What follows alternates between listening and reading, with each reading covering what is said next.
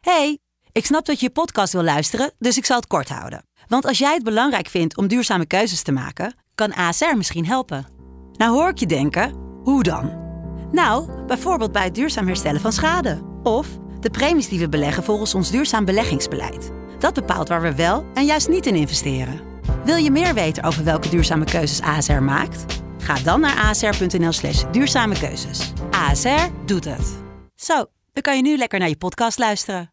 Hey, ik snap dat je je podcast wil luisteren, dus ik zal het kort houden. Want als jij het belangrijk vindt om duurzame keuzes te maken, kan ASR misschien helpen. Nou hoor ik je denken, hoe dan? Nou, bijvoorbeeld bij het duurzaam herstellen van schade. Of de premies die we beleggen volgens ons duurzaam beleggingsbeleid. Dat bepaalt waar we wel en juist niet in investeren. Wil je meer weten over welke duurzame keuzes ASR maakt? Ga dan naar asr.nl slash duurzame keuzes. ASR doet het. Zo, dan kan je nu lekker naar je podcast luisteren. De stroom. Hoe verteer je al dat nieuws zonder er zelf aan onderdoor te gaan? Begin met iets nieuws. Iets nieuws. nieuws. Uwe Potten, Maxim Hartman en high-sensitive René van Leeuwen kruisen de degens. Iedere ochtend iets nieuws. Lekker kort, lekker snel, lekker vroeg. Goedemorgen. Goedemorgen. Heb jij nou al koffie gedronken, René? Ik zit aan de koffie, het staat naast me, het is heerlijk. Maar eh, serieus, het is hoe laat? Half zes nu? Ja, zo Dan ongeveer. ga je nu al gewoon aan de, aan de cafeïne. Ja, anders kan ik niks. Dat is echt gelul. Zo ben je toch ook niet geboren? hè? Toen jij baby was, zat je er ook niet aan de cafeïne. Ik werd uit mijn moeder gesneden, het was geen natuurlijke gebeurtenis. Dus ik weet niet wat voor medicijnen ze er allemaal gelijk in spoten. Ah, dan hebben ze waarschijnlijk adrenaline in je moeder gespoten. En zaad. Nee, het was IVF. Ik ben een volledig eh, wonder der wetenschap. Echt? Serieus. Ben jij zonder gemeenschappen eh, on- ontstaan? Bij mijn geboorte waren er hoogleraren aanwezig, omdat het zo uniek was. Nou ja, daar moeten we een keer een special over maken. Die zetten we wel achter het petje af, achter de betaalmuur. Dat zal mensen echt interesseren. Er komen echt miljoenen mensen op af om dit verhaal te horen. Ja. Zullen we beginnen? Graag. Amsterdam biedt onderdak aan duizend asielzoekers op een cruise ship. Een cruise schip, moet ik zeggen. Ja, want wat is het nou? Cruise ship? Het is, cruise is toch gewoon rondvaart? Dus het is een rondvaartboot. Ja, je cruist op de weg en je op je motor ben je lekker aan het cruisen. Precies. Maar een cruise, cruise ship, dat is zo'n hele grote. Maar ze bedoelen toch gewoon zo'n rondvaartboot die in die grachten. En daar pleuren ze duizend eh, asielzoekers op. Daar passen er toch geen duizend in. Jawel.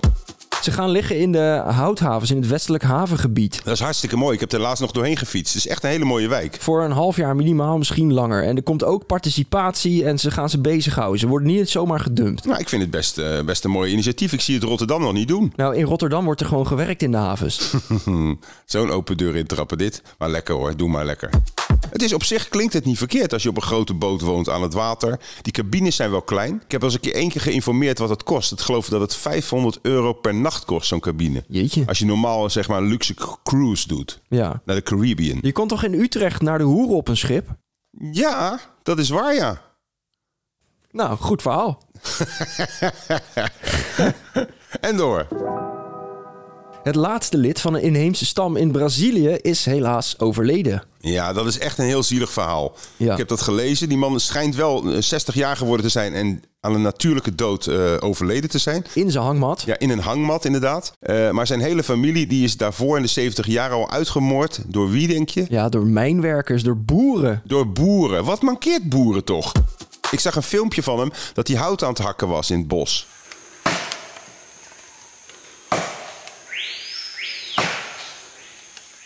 Klinkt indrukwekkend. Ja, hè? hij werd genoemd ook wel de man van de holen. Hij maakte gewoon he- hele grote kuilen Ja. waar, waar grote t- ja, stokken uit naar boven staken. En dan lokte die dieren achter zich aan en dan sprong hij eroverheen. En dan kwam dat dier terecht en had hij weer te vreten. Waarschijnlijk volledig stikstofvrij. Dit is onwijs natuurlijk wat hij deed.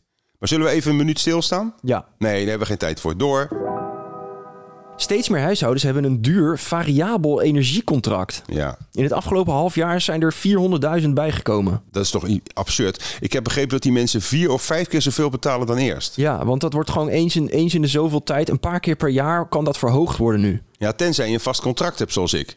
Ik heb het twintig jaar vast laten zetten. Dat geloof ik dus gewoon niet. Dit is volgens mij weer zo'n broodje aap van jou. Nee, nee, nee. Ik heb dat twintig jaar geleden. eh, Ik kreeg die mogelijkheid. Ik ging bellen. Toen zeiden ze, wilt u het eh, één of drie of l- langer vastzetten? Ik zei, nou, zet het maar twintig jaar vast. Dat is fantastisch. Geweldig. Heb je trouwens gelezen hoe de elektriciteitsprijs tot stand komt? Nee, niet precies. Maar ik weet wel dat er genaaid worden. Maar leg uit. Ze doen een soort veiling. En iedereen die elektriciteit heeft, of dat nou windmolens is, zonne-energie, of met gas of met kernenergie, die mogen mee ehm, zich, zich, zichzelf aanbieden, hun elektriciteit. Ja. En dan kijken ze, let op, kijken ze naar de duurste aanbieder.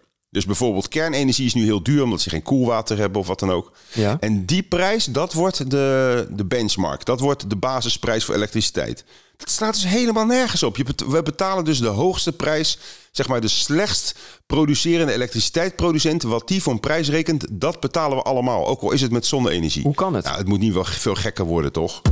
En dan heb je ook nog eens een keer, dat zijn dus vaak de arme mensen, de wat minder geletterde mensen. En dat zijn er meer dan 2 miljoen in Nederland. Hè? Ja. Die, gaan, eh, die vergeten dat of die lezen de kleine lettertjes niet. Die hebben dus een kutcontract, een variabel contract, wat een paar keer per jaar verhoogd kan worden. En die hebben ook nog een last nu van iets anders. Dus er schijnt een soort eh criminelen te zijn die ehm, Ja. ja. arme mensen benadert met phishing, met energietoeslag zogenaamd. Dat ze hun gegevens moeten geven en dan krijgen ze een energietoeslag. Ja, ze zeggen van er is toeslag, je kunt geld krijgen als je hier je gegevens invult. Maar dat zijn dan oplichters. Nou, dat zijn toch fucking smeerlappen. Ja. Je bedoel, pak dan de sterke, niet de zwakkere. Alhoewel, in de natuur worden ook gewoon de zwakkere gepakt. Dus in principe is het wel natuurlijk iets om de zwakkere te pakken en de domme. Ben jij wel eens in een phishing mail getrapt? Je hebt wel de leeftijd. Ehm, ja, één keer ben ik daarin getrapt op Instagram. Toen zeiden ze, u plaatst te veel content waar eh, auteursrechten op zitten. Ehm, u, u moet onmiddellijk eh, dit melden en stoppen. eh, Want anders gaat uw hele account eh, verwijderd worden. En ik dacht, nee hè. Ja. Dan moest ik ergens inloggen. Ik alles invullen, mijn naam, eh, mijn wachtwoord. En ja hoor, je raadt het al, binnen vijf minuten was ik gehackt. En toen moest ik een grote geldsom betalen. Maar ik ken wat mensen achter de schermen. Ja. En ik ken ook mensen met shuffles. En toen, eh, binnen een paar uur lukte het om weer eh, terug te komen. NFT's. De NFT's. Jij hebt mij ooit uitgelegd wat het zijn. Ja, non-fungible tokens. Jij wilde Mand ooit in een NFT gaan douwen, zeg maar dat filmpje. Ik had je bijna mee, hè, met een Ja. hoop geld. Ik hoorde allemaal mensen die zeiden, NFT gaat het helemaal worden. En ik zag die prijzen en ik ging kijken, jongen. Ik kreeg een beetje FOMO, weet je wel. Ik, op een gegeven moment zat ik ook op die sites te kijken. Het was een hype, ja. Ja, ik moet, nu- moet ik niet ook niet van die apen, apenkoppen kopen? Want sommige die waren dan voor 5 euro, voor 2 euro gekocht. En die waren nu 20.000 of 50.000 euro per, per apenkop waard. Maar nu niet meer. Nu niet meer, want wat is er gebeurd? Het grootste platform heeft 99% van de handel verloren in drie maanden. En ook al die NFT's die heel duur waren eerst, die zijn eh, bijna niks meer waard. Nou, dat is dan wel mooi, hè? Ik heb het uiteindelijk ben ik er niet ingestapt. Jij ook niet, mag ik hopen. Nee, ik, eh, ik stap nergens in. Ik denk dat vooral eh, DJ's, sporters en andere narcisten eh, er wel veel geld mee hebben verloren nu. Influencers. En dat is dan wel weer lekker. Weet je, dat is ook misschien een beetje Nederlands. Het is ook wel lekker dat die gulzigheid nou een keer afgestraft wordt. Nick en Simon die zijn dus uit elkaar, dat is wel bekend. En zonder ruzie. Ja, want iedereen dacht dat. Hè? Er werd heel erg in de media en ook door iedereen eigenlijk werd er eh, gepraat van eh, Simon zou met de Nou, ik niet. met normale mensen. Ik dacht dat niet. Normale mensen hebben allemaal geluld. Nee, helemaal niet. Als Yvonne Kolderweijer of, of collega's iets gaat beweren, dan ga ik ervan uit dat het tegenovergestelde waar is. Wat is dit nou weer voor correct gedrag? Heel veel mensen die zeiden dat eh, Simon, dat is die ene zeg maar, met zonder baard, die zou met de vrouw van eh, Nick naar bed zijn geweest. En, en daardoor hadden ze ruzie gekregen. Dat is wel heftig. Want ze keken elkaar niet meer aan, ze gingen niet meer met dezelfde auto naar het concert. Dat is allemaal totale bullshit.